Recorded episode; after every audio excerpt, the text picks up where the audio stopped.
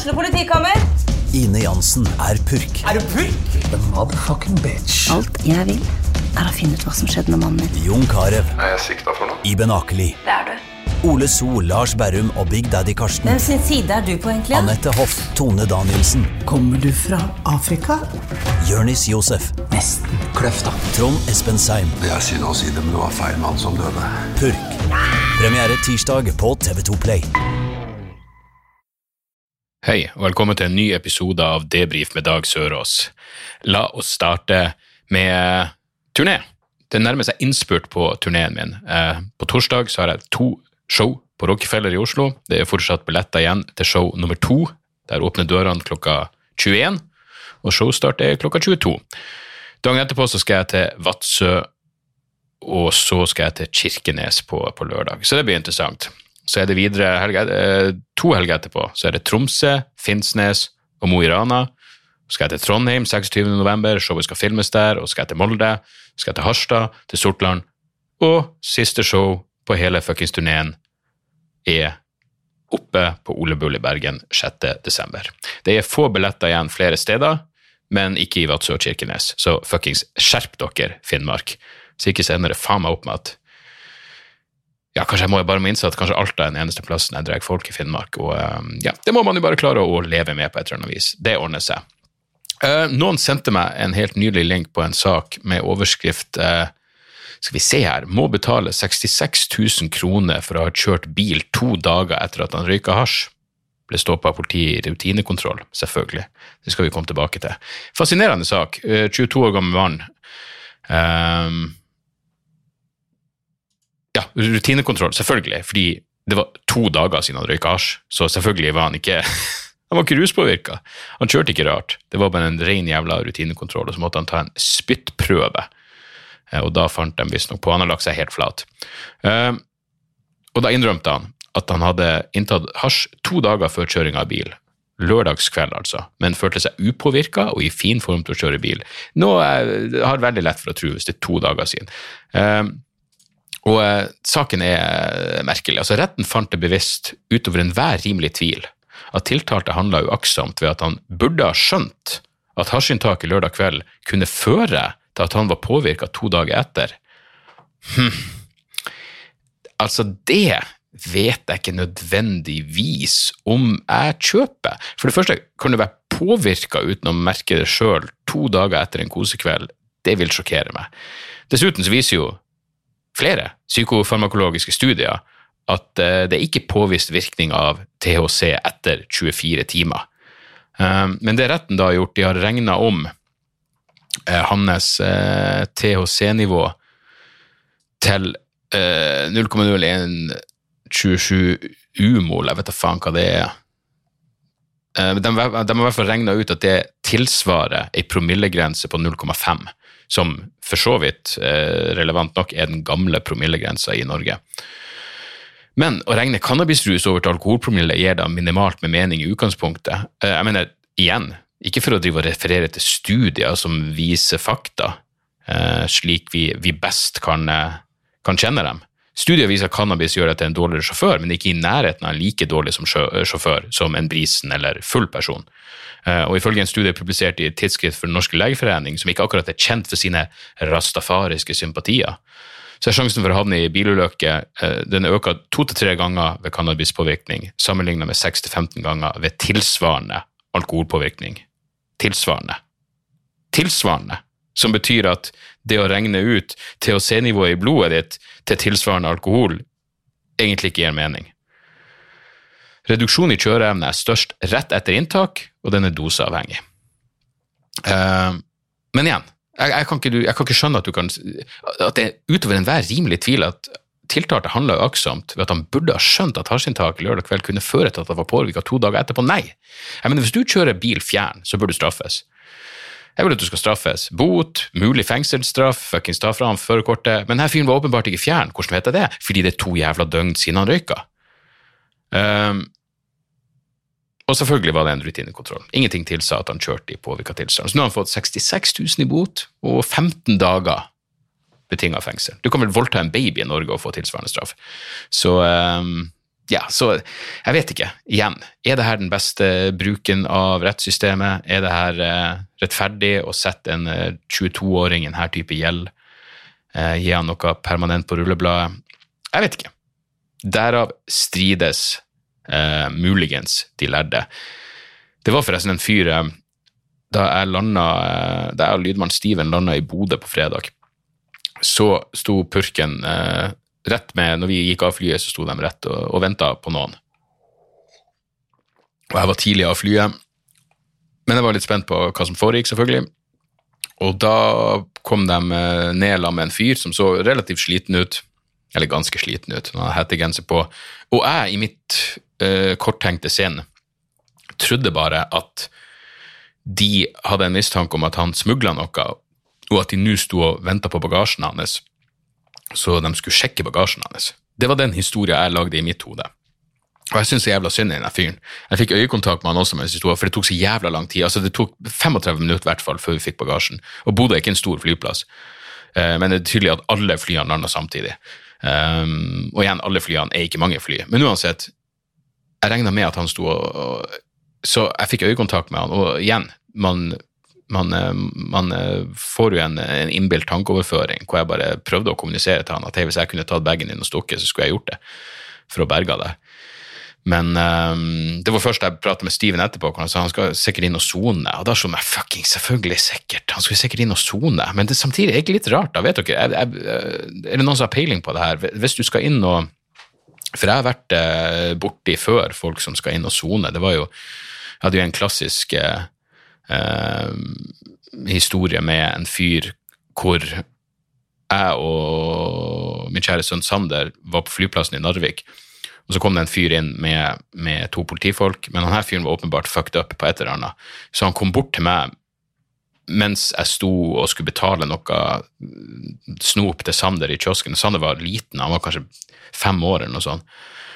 Og han var så pågående, det var, et, det var et eller annet ubehagelig med interaksjonen vår. Jeg tror han fyren om han skulle ha et bilde eller ta meg i handa, eller hva faen det var for noe, at Sander begynte å gråte. Eh, når, når, vi gikk og satte oss ned for å vente med gaten, så begynte Sander å gråte, og det viste seg at han hadde blitt redd av han der fyren. Så jeg tenkte ja, fuck, det var jo, det var jo ikke, ikke, en hyggelig situasjon, så jeg forklarte at alt var ok, og det var ikke noe å stresse med. Og så gikk det ja, jeg vet da faen, noen uker, og så får jeg en mail fra denne fyren hvor han forklarte at han var på vei inn for å sone, og han var fucked up. Uh, sikkert som en uh, siste uh, mulighet for å være det på ei god stund. Alt etter hvor lenge han skulle sitte inne, men at han hadde sett at sønnen min ble ble eh, ille berørt, og at han ville be om unnskyldning for det. Så det var jo hyggelig, og da kunne jeg fortelle Sander det, og da hadde han heldigvis allerede nesten glemt den, eh, den uh, situasjonen. Faen, altså. Når du får sånne cocktease-meldinger Der, ja. Uh, Altså, Jeg mente ikke cocktease-melding, jeg mente bare at det, det, kommer opp at noen har sendt meg et bilde, og så står det noe om sykdom, og da må jeg jo sjekke opp hva det er for noe. Eh, det er bare det at manageren min er i, i dårlig form. Etter, eh, altså i dårlig, eh, dårlig kondis. Kondisen har gått kraftig ned etter at han har vært to uker syk. Og ja, det er faen meg, det er ferskvare, det der å prøve å holde seg i, i oppegående form. Men han var i så jævla god form i utgangspunktet at nå hva, hva det her sier om meg? At jeg er mer glad over å se at min egen manager, en mann jeg bryr meg om og vil skal være frisk og glad, jeg blir mer glad over at han nå har gått ned i form enn jeg ble når han sendte meg sånn Hei, se, se, hvor høyt oppe jeg er på den eh, kondisjonsmålingsskalaen, for vi har begge den samme Garmin-klokka. Nå er jeg sånn, ja, jeg, merker at jeg smiler for meg sjøl. At jeg ligger foran han i kondisjonen. Men det, det, det skal jo også sies at han er vel eh, ti-tolv år yngre enn meg også, så han, eh, han har jo en, en grunn til å smile der jeg burde vært trist når det kommer til alder, så kan han være glad og fornøyd. Så han, han har god tid å, å, ordne opp på det her på. Uh, I hvert fall Hva var det jeg prata om? Jo, det var en flyplasshistorie. Ja. Så uh, ja, det var veldig fint at han, fangen, som vel det han var, ordna opp i det. Poenget mitt var bare at da var, fly, da var politifolkene med på flyet. Uh, og førte han helt frem til noen andre politifolk der de landa. Jeg, jeg, trodde ikke de sendte folk som skal inn og sone uten noe Hva på si Jeg skjønner jo at det er Jeg mener, altså går, jeg går bare ut ifra ting, men han, han fyren så ganske sliten ut, og han så ut, sliten ut på en sånn måte at det så ut som han hadde et hardt liv med, med stoffmisbruk. Så det, det, er jo, det er vel plausibelt at de da tenker han her er ikke en fare for noen, så hvis purken bare får han på flyet hvor enn han kommer ifra, det må jo være fra Oslo, og så tar vi imot han i Bodø, så er ikke det noe stress. Det kan jo selvfølgelig ha vært det. Og hvem vet med alle budsjettkuttene? Gudene vet. Men uh, lykke til videre til han fyren. Så fremst han ikke er en fuckings voldtektsmann eller et eller annet sånt der, derfor han skal inn og sone. Men igjen, da kan jeg ikke tenke meg at de lot han fære uh, ubevokta uh, på flyet. I hvert fall.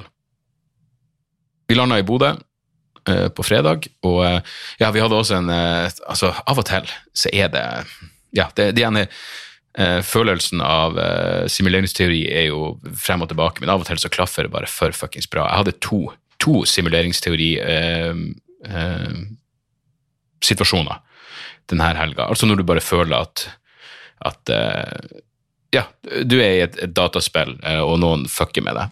Det første var at jeg var på flyplassen, når jeg traff flyplassen, når jeg traff, flyplassen, når jeg traff fucking Steven på Gardermoen før vi skulle dra så er det liksom den klassiske Ei, 'Hvordan går det?' Og når man spør hvordan går det, så av og til så er det sånn Skulle bare være ærlig. Og jeg, jeg er ikke så god på det der. Det, det, det, er av og til man burde bare si sånn 'Nei, det går nå fint', i stedet for å begynne 'Ja, nå skal du høre, nå er det noe sykdom', og det er noe bla, bla. Det var eh, Jeg klarte liksom å Uansett, jeg, jeg begynte å fortelle Steven noe som var ganske trist, og akkurat idet jeg begynner, så begynner noen å spille på det fuckings pianoet som står på Gardermoen. Og det var bare så urkomisk. Jeg mener, Steven eh, det, Jeg har aldri vært borti å fortelle noen at uff, jeg tror noen er veldig glad i å ha kreft, og, eh, og Steven begynner å flire. Men det var bare fordi den pianomusikken bare, det var helt sånn, den, den, den var tima så nydelig at det hørtes ut som vi var i en film, og jeg begynte å fortelle litt trist historie. En ræva film, det skal sies. Og så begynner jeg å fortelle litt trist historie, og da starter pianomusikken. Det var bare så fuckings bra timing på det. Så det var den ene, den ene gangen jeg tenkte det her, virker, virker konstruert. Den andre gangen var på hotellet um, i Bodø. For der jeg, jeg, trodde de fucka med hodet mitt, fordi jeg, jeg, la det ut på Instagram også. Det var pulverkaffe der, og en kaffekopp og noe te. Og da tenker man jo selvfølgelig, da er det jo ikke irrasjonelt å tenke at det bør være en vannkoker på rommet også. Jeg leita, jeg, jeg demonterte faen meg eh, skapet i håp om å finne en jævla vannkoker. Det var ingen vannkoker noen plass, men igjen, når det er pulverkaffe der, skulle man faen meg tro det. Så jeg drar ned og spør resepsjonen unnskyld, skal det være en fuckings vannkoker der. Hun bare nei, hvorfor spør du om det? Jeg bare fordi det er pulverkaffe der. Hun slo seg på hodet. Åh, er det pulverkaffe? Da er det noen som har fucka opp. Jeg bare Jesus. Er det ikke lettere å bare sette Jeg mener, hva kan det koste for en fuckings vannkoker? Men så er jeg sånn, ah, ok, greit. Og så går jeg tilbake på rommet mitt, og når jeg da går i heisen neste gang, hvem er i heisen? Jo, en ansatt på hotellet. En tilsynelatende hyggelig mann. Men alt han har i handa, er en vannkoker. Og han var ikke på vei på mitt rom for å gi meg den vannkokeren. Jeg mener, hva er oddsen? Hva er oddsen, mine damer og herrer? Se den dokumentaren som heter Glitch in the Matrix, så blir dere å skjønne hva, hva, jeg følte i det øyeblikket. Uansett, um, når vi kom til Bodø, så skulle vi ha show i, uh, på Rognan, som er ja, jeg vet faen, 1 time og 20 minutter å kjøre fra, fra Bodø. Så da bodde vi bare i Bodø, og så måtte bare lydmann Steven holde seg edru enn så lenge. Så vi, uh, og det var, det var ikke noe veldig god tid, så det var bare å lempe fra seg faenskapet på hotellet, og så var det å stikke og få i seg noe høyst middelmådig sushi. Jeg mener, vi, vi, vi fikk både middelmådig og fantastisk sushi denne helga. Jeg skal ikke henge ut plassen vi var på, men uh, den, den, kom så bra ut på uh, Google Reviews. For jeg visste at jeg ville på det Oma uh, nede på SAS-hotellet der i Bodø, fordi jeg har vært der mange ganger før. Jeg vet at det er så jævla kvalitet. Men uh, tenk liksom å prøve en annen første dagen og så er det sånn Hei, den der er jo faen meg 4,5 av 5 og 200 reviews, så da Nei, fuckings Jeg vil ikke si at det sugde, men det var faen meg Det, det var ikke det var det var sugde adjacent. Det var rett i nærheten av suging. På en negativ måte. Og så, eh, så var det bare proppe i seg det, og så var det å kjøre ut til, eh, til Rognan. Og det, var, det, begynte å bli mørkt på turen, og det ble så mye tåke at det ble jo faen meg Det ble jo eh, kolonnekjøring underveis. Og det var, ja, jeg sa til Steven, det her er jo faen meg som The Fog, den filmen. Den John Carpenter-klassikeren. Um, Og det er klart, når du kommer til en plass som Rognan, eh, innbyggertallet er 2000 noe, så er det ikke store forventninger til nå. Men helvete, Slipen scene, for en jævla kul plass. Det, var som en sånn, det minner meg om fabrikken, den gamle fabrikken i Oslo.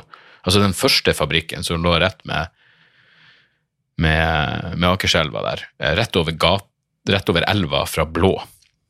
Det minner meg om den plassen. Sånn nedlagt fabrikk, sykt kul. altså For en perfekt rockeklubb. Og med rockeklubb så mener jeg For noen spurte meg hva du mener når du sier at det, at det virker som en klassisk rockeklubb. Bar i en av lokalet. Eh, litt sånn skjetten følelse. Kult, litt tagga. Eh, det er bare stemning i veggene. Og eh, ja, du ser at jeg egentlig er ment primært for konserter. Så det, det, jeg syns det er ypperlig for, eh, for standup. Og eh, veldig hyggelige folk som jobber der. og så jeg kom meg opp backstage, og så hadde jo eh, Sukkerfruen, som var en lokal nytt eh, konditori som var åpna eh, på Rognan. Hun hadde kontakta meg og, og lurt på om hun kunne gi meg noen cupcakes som liksom var lagd med Det var Dag Sørås, og det var vrangforestilling, og det var mikrofonstativ. Jævlig kult. Så hun kom opp og uh, ga oss cupcakes. Og jeg, hun var sånn 'Hvor mange vil dere ha?' Jeg bare 'Jeg vet da faen'. Jeg tror jeg svarte 'Vi er tre stykker'. Jeg løy ikke. Jeg sa at vi var tre i stedet for to, for jeg vet at jeg er Steven er vi har en sweet tooth begge to. Uh, så jeg sa vi er tre stykker, jeg vet ikke hvor mange vi trenger, da trenger vi seks kanskje. Og så var hun sånn, da må vi i hvert fall ha ni, jeg tror vi fikk tolv. Og de var jævlig gode. Jeg brøt i meg en umiddelbart, og uh, for hun kom backstage og leverte det med typen, eller hva enn det var for noe. Steven syntes hun var øh, Jeg syntes hun var kjempehyggelig, Steven syntes hun var hot. Uh, jeg, legger ikke, jeg legger ikke merke til sånn, for jeg er i et, et monogamt forhold. Men uh, tipp topp, hyggelig å treffe henne, og jeg ga henne en shout-out fra scenen. Eh, jeg sa vel at eh, jeg har gått på en smell før med at folk skal gi meg cookies før showet, men i dette tilfellet så var det ingenting eh, i kaka som gjør at du to dager senere kan bli stoppa av purken og få en bot på 66 000. Så eh, og showet var sånn, jeg, jeg, jeg, var litt sånn seig i starten, jeg slei, jeg vet da faen, jeg synes ikke det var noe særlig respons i starten, og så var det et, et fittemenneske, og her er det den eneste objektive beskrivelsen, det var et fittemenneske på første rad som altså satt og var så forbanna us... Eller jeg vet ikke engang om jeg vil si, jo, var usammenhengende, men hun satt og ropte ut gamle vitser.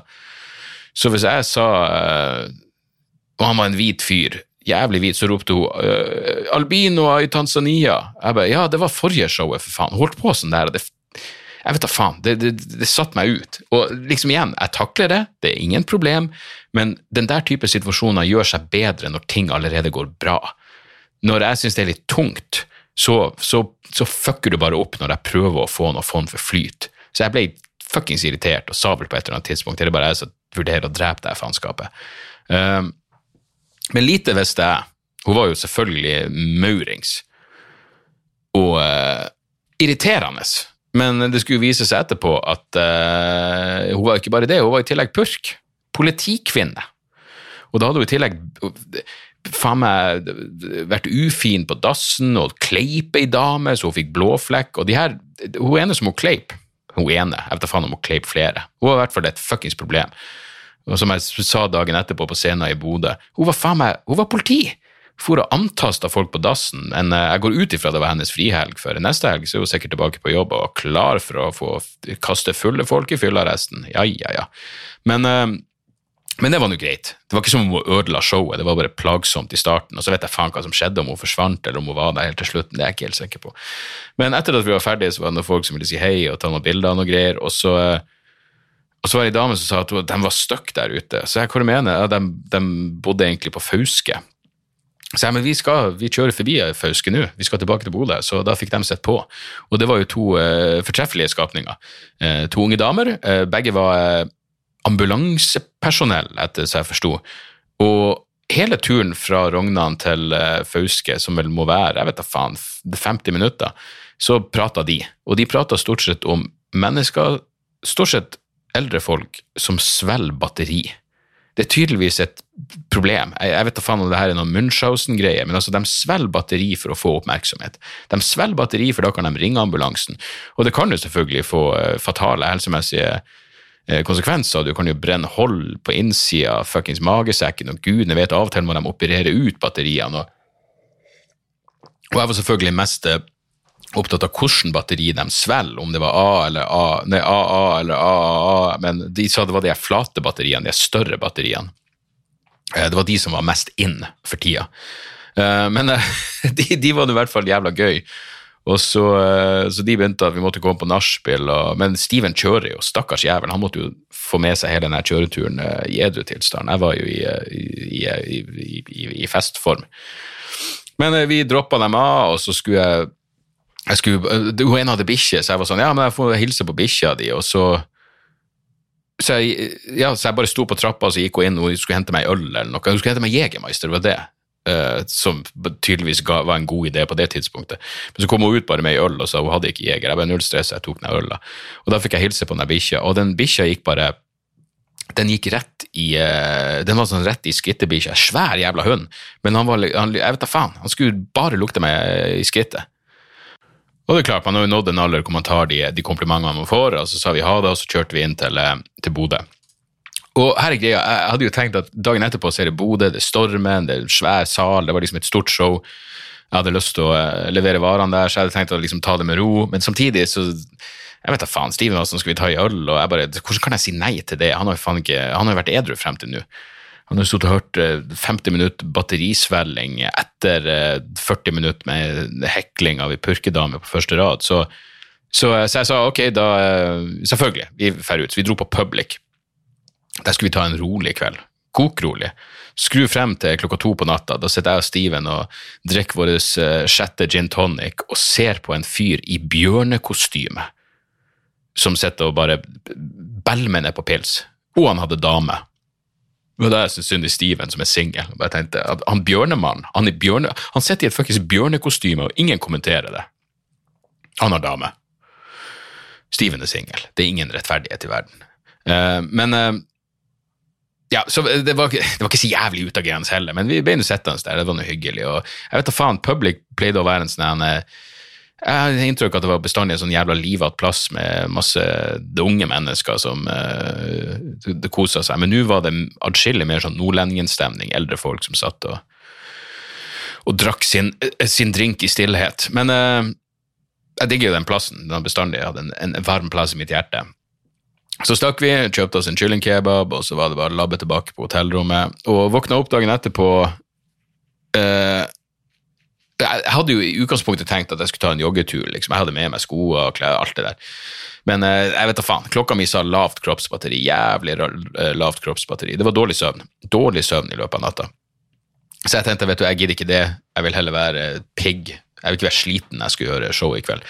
Så jeg gikk meg en tur, jeg gikk en lang tur, og så kjøpte jeg en kaffe, jeg kjøpte en bagett, og så chilla jeg bare på rommet. Leste aviser, hørte på litt musikk. Og det var, eh, det var egentlig akkurat det som skulle til. Jeg prøvde å blunde en halvtime til, og så uh, skulle, jeg og Steve, så skulle jeg og Steven på Oma og spise, spise sushi. Og det var fy faen i så jævla godt. Det var, jeg mener med eh, den sushien i Ålesund og nå, og nå den her, åh, fuckings topp, topp notch. Eh, så eh, det var helt fuckings perfekt. Vi skulle treffe uh, Kevin uh, Kildahl og Julianne, men de var jo så inne i et helvete betreg med hva enn de holdt på med, eller vi skjønte vel etter hvert uh, at det de holdt på med, tok litt lengre tid. Og nei, det var ikke noe seksuelt ment der. Uansett, vi stakk på stormen. jeg gjorde lydsjekken, så dukka Isalill Kolpus opp. Eh, sa Theo at eh, For jeg måtte introdusere, hun skulle være support for meg. Og eh, jeg hadde truffet henne en gang før på, på Latter Live. Hun var med på innspillinga der. Hun har bare holdt på i ett år. Hun, hun begynte i pandemien med standup, som er jævlig imponerende med tanke på hvor, hvor langt hun er kommet. Og ehm, Så, så det, det ble så jævlig mye altså Vanligvis er det sånn ja, jeg, jeg, skal nå gjøre det, er meg og Steven. Han setter, på, han setter på musikk, og så vet jeg at når han skrur ned og lyser, da går jeg på. Det er liksom, det, det er ingenting å tenke på annet enn hva slags piss jeg skal åpne showet med. Men nå plutselig For det første, Isalill Kolpus det det er jo ikke et veldig eh, På ingen måte et veldig komplisert navn. Men eh, nok komplisert at jeg liksom kan glemme av det når jeg skal introdusere henne fra scenen. I tillegg så begynner selvfølgelig Steven å få noen fuckings kreative ideer. hvor han var sånn, du, denne sangen er jævlig fet, men etter 45 sekunder så slår det her riffet inn, så hvis du introduserer henne, og så er du akkurat ferdig med introduksjonen, når, sang, når, når det riffet kicker inn, så blir det jævlig fett. Så er jeg sånn, ja, men ok, når ki- kicker riffet inn, da, for faen? Og så er jeg sånn, du vil ikke nødvendigvis høre så hvis riffet kicker inn etter 45 sekunder, hvor lang tid bruker jeg på å introdusere henne? Så jeg tenker, jeg vet da faen 15 sekunder, kanskje 20 sekunder, la oss si 20 sekunder, så da må jeg, da må jeg begynne å snakke 25 sekunder inn i sangen, men jeg, på siden av scenen så kan ikke jeg høre, for sangen begynner så rolig at jeg vil ikke høre nøyaktig når sangen starter. Så jeg står der på siden av scenen med mikrofon. Jeg er ti ganger mer nervøs for introduksjonen jeg skal gjøre, enn for mitt eget jævla materiale. Så jeg skal få beskjed fra han sidefyren, på, sidefyren, han som styrer på Stormen, en veldig hyggelig kar. Han skal si fra til meg når Steven har starta sangen, for det klarer ikke jeg å høre fra sida av scenen. Og når han da sier det, så vet jeg at det er 25 sekunder. Og da skal jeg begynne å snakke, og da bør jeg snakke nøyaktig 20 sekunder, og så må jeg huske at hun heter Isalill Kolpus, og ikke fucke det opp. På et eller annet vis så tror jeg det ordna seg ganske bra, og hun gjorde en kjempejobb.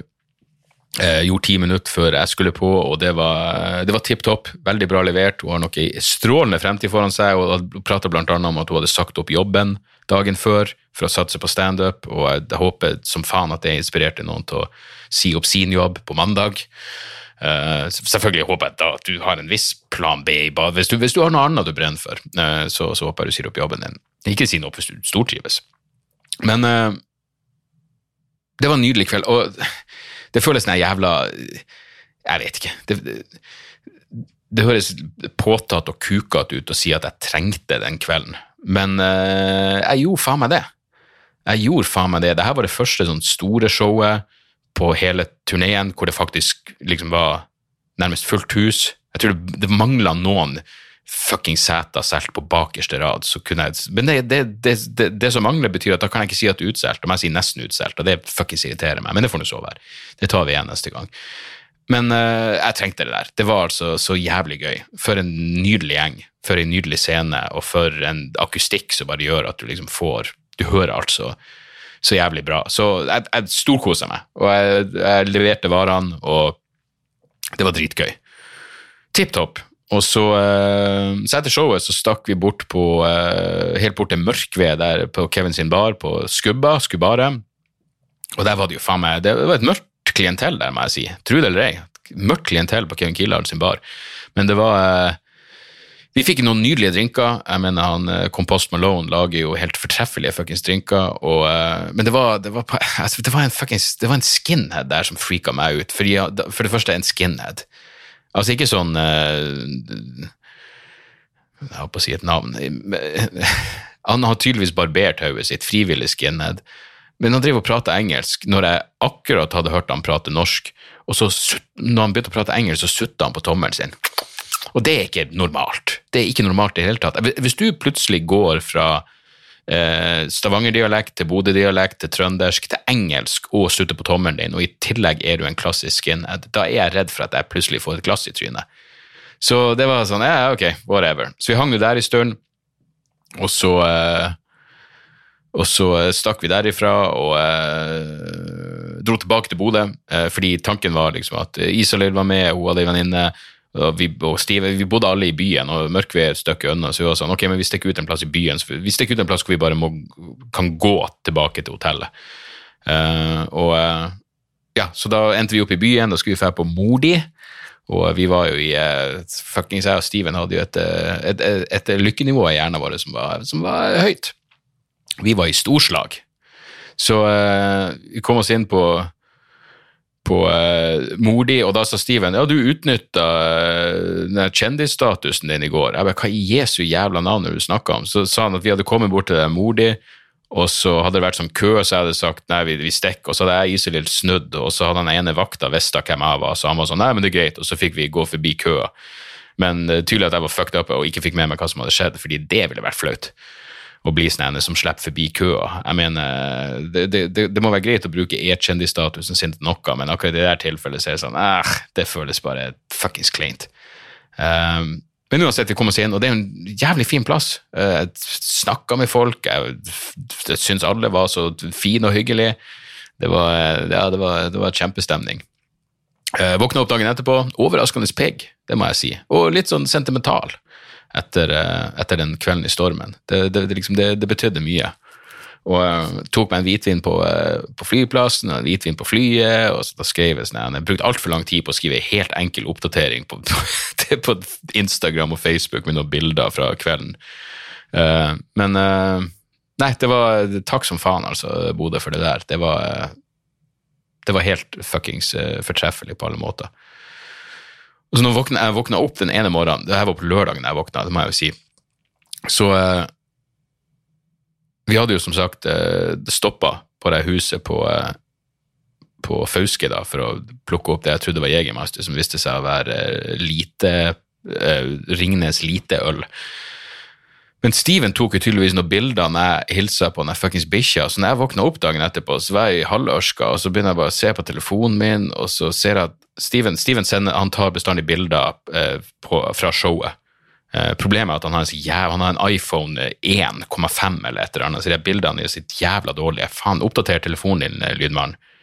Men, eh, men eh, Så han har tatt bilder, men han har også tatt noen bilder Det de siste bildet som kommer opp, er liksom det jeg ser først, som er et bilde av meg i en positur jeg ikke husker, foran et hus jeg ikke husker, hvor jeg står med to unge damer og ei bikkje som ser ut som den gir meg en fuckings blowjob. Så jeg tenkte, er det her den typen?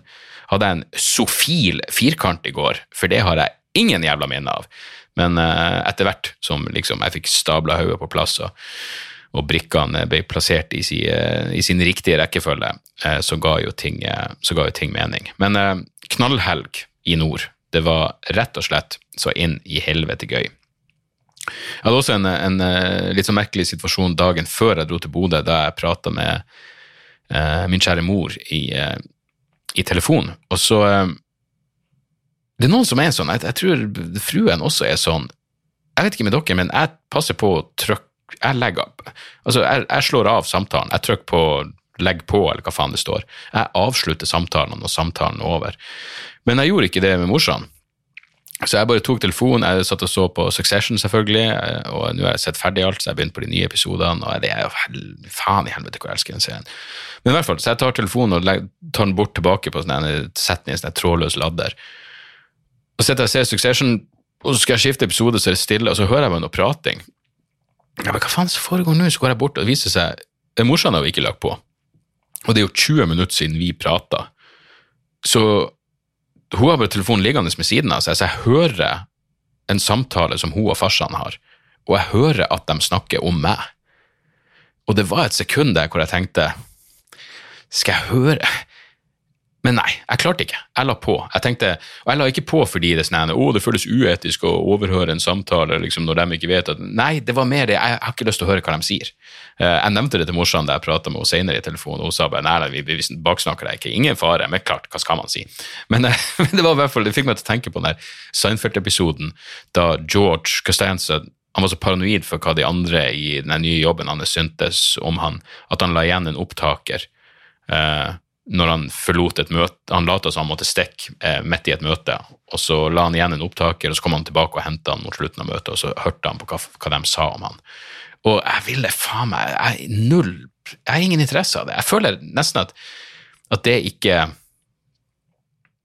Det har ikke noe med meg å gjøre eh, det som blir sagt. Og jeg er ikke en sånn Jeg mener, jeg liker sladder. Når jeg treffer andre komikere, så elsker jeg jo fuckings sladre eh, om hva slags fucked up ting og idiotiske ting, og hvor dårlig noen er, og hvor ræva Alt det der.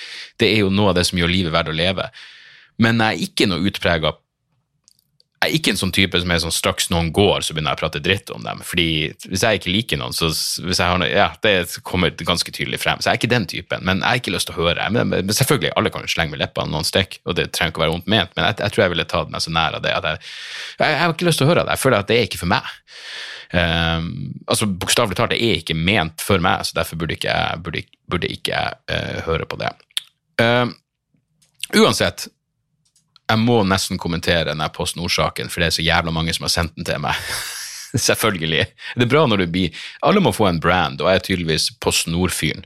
Uh, Nå må jeg gi en shout-out til Post Nord-Alex. Uh, ja, Dere vet hvem Post Nord-Alex er, han som mista jobben fordi han hjalp meg. Han uh, kommer på showet på torsdag, og det, det, er skål for han. Men i hvert fall, det som tydeligvis har skjedd, det, jeg har fått linken til en saken i Nettavisa hvor overskrifta er 'Her havner de forsvunne på snorpakkene'. De har null oversikt kaotisk. Det kunne komme 20-30 paller i uka, sier Tommy Carlsen om Post Nord-leveransene til auksjonshuset. Han jobba i ni år for auksjonshusets, eh, auksjonshusets eierselskap Movement AS. Og så står det hvis du savner pakken din, sjekk om de selger den på auksjonshuset, som er helt fuckings nydelig. Fordi altså Post Nord og pakka på avveie, jeg trodde alle jeg skulle si uh, den setninga, uh, men, men, altså uh, For en jeg, må, jeg tror rett og slett jeg trodde at Post Nord bare var inkompetent. Jeg trodde de var drevet av ren latskap og inkompetanse. Og så viser det seg at det var jo bare økonomisk klakt. Jeg mener, det er ikke rart at Post Nord er billig å bruke. Det er jo faen meg ren russisk rulett å bruke dem.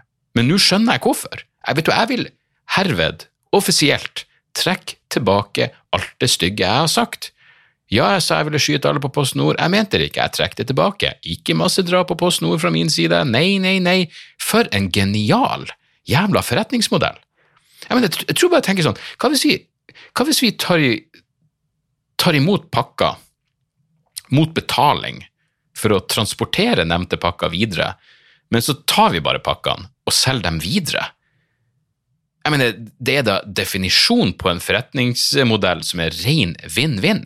For på snor, vel å merke, ikke for kundene, men, men, men alle er jo seg sjøl nærmest. Jeg syns det er helt genialt. Vet du, Jeg tar av meg sixpensen for de strategiske geniene i denne jævla, jævla bedriften. Og så avsluttes artikkelen med PostNord og auksjonshuset bekrefter at de har en avtale om salg av varer der de ikke har funnet rettmessig eier, men hevder at de nå har god kontroll med varene. Vet du, det er godt nok for meg. Skål for PostNord, ukas jævla vinnere. Så noen tips helt på slutten. Jeg vet å se på den nye Curb Your Enthusiasm-sesongen, og den er ganske med. Jeg mener, det er jo en av ja, kanskje den morsomste. Jeg mener i hvert fall en av de morsomste seriene gjennom tidene. Men de to nye episodene er meh, helt fuckings grei. Det mangler noe. Det er virkelig ikke i nærheten av uh, Old Glory. Og det er det første jeg har sett av Curb, Curb, Curb som, er, som, er, skuffende. Um, så, så, den er ikke Det var noen som påpekte på Twitter at nå lever de omsider opp til tittelen Curb Your Enthusiasm, fordi ja, det burde man absolutt ha gjort. Uh, men noe annet lettbeint underholdning jeg kan uh, anbefale, er jo den Free Guy-filmen. Uh, Ryan Reynolds sin nye film. Han har sammenligna den med at den er inspirert av Back to the Future, men jeg mener, det åpenbare for Det her er lettbeint blanding av Groundhog Day og The Matrix. Og Ryan Reynolds spiller jo en fyr som innser at han er en sånn navnløs bakgrunnsfigur i et dataspill. Uh, han kaller det en, en NPC, non-playable character. Og uh, Det er bare et jævla Det er enkel underholdning, men det er moro for hele familien, eh, bokstavelig talt. Og så er det jo også en sånn uh, streiketvist som vil varme et hjerte, jævla venstrevidd hjerte.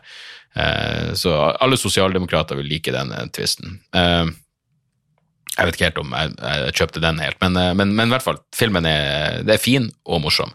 Og så et lite platetips. Den nye skiva jeg, De av dere som følger meg på Patrion, har allerede fått det her tipset, men kun skriftlig. Den nye skiva til Every Time I Die som heter Radical. I helvete! Det er det her jeg har hørt mest på i det siste, utenom den nye Mastodon. Altså, det er jo faen meg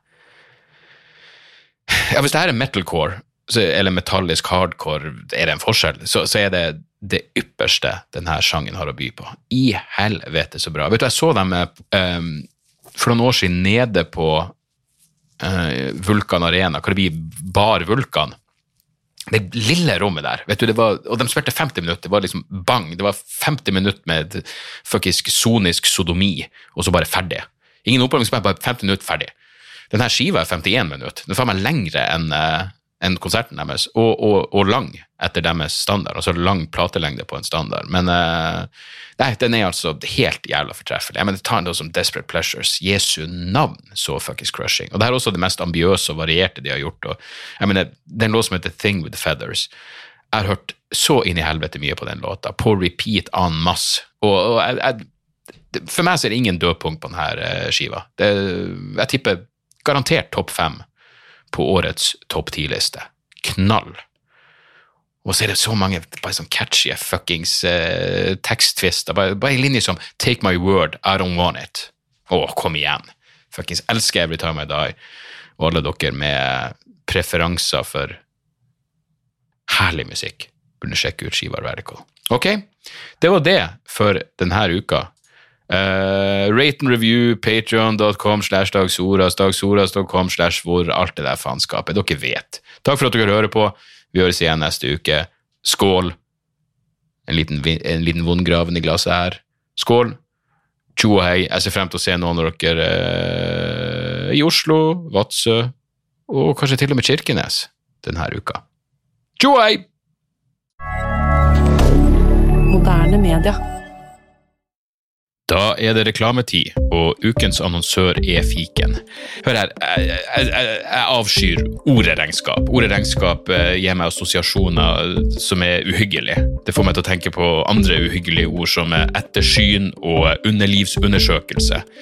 Men regnskap er et nødvendig onde, og fiken er et så enkelt regnskapsprogram at selv jeg kan klare å ha kontroll på finansene hvis jeg bruker det. Eh, du kan registrere kjøpene dine bare med å ta et bilde av kvitteringa med appen, og så kan du bare hive, hive kvitteringen. Hvor nydelig kan det bli? Og Fiken forholder seg også til regnskap med overkommelige ord. Det er ikke masse overkomplisert økonomisk terminologi. De kaller det kjøp og salg i stedet for hva enn de kaller det på BI. Og du kan, eh, du kan få fiken til å sende purringen dine, sånn at du slipper å gjøre det sjøl. Slipper du de der flaue øyeblikkene hvor du må skrive 'unnskyld meg, men det står noe utestående her, kan du fikse det fortest mulig', må jeg sende, må sende mafiaen etter deg? Nei, fiken fikser det så kan du skylde på algoritmene. Du slipper dårlig stemning.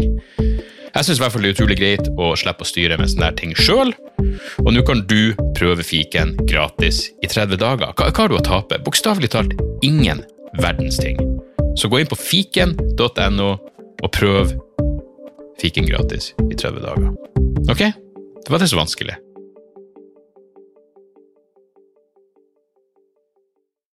Har du et enkeltpersonforetak eller en liten bedrift? Da er du sikkert lei av å høre meg snakke om hvor enkelt det er med kvitteringer og bilag i fiken, så vi eh, gir oss her, vi.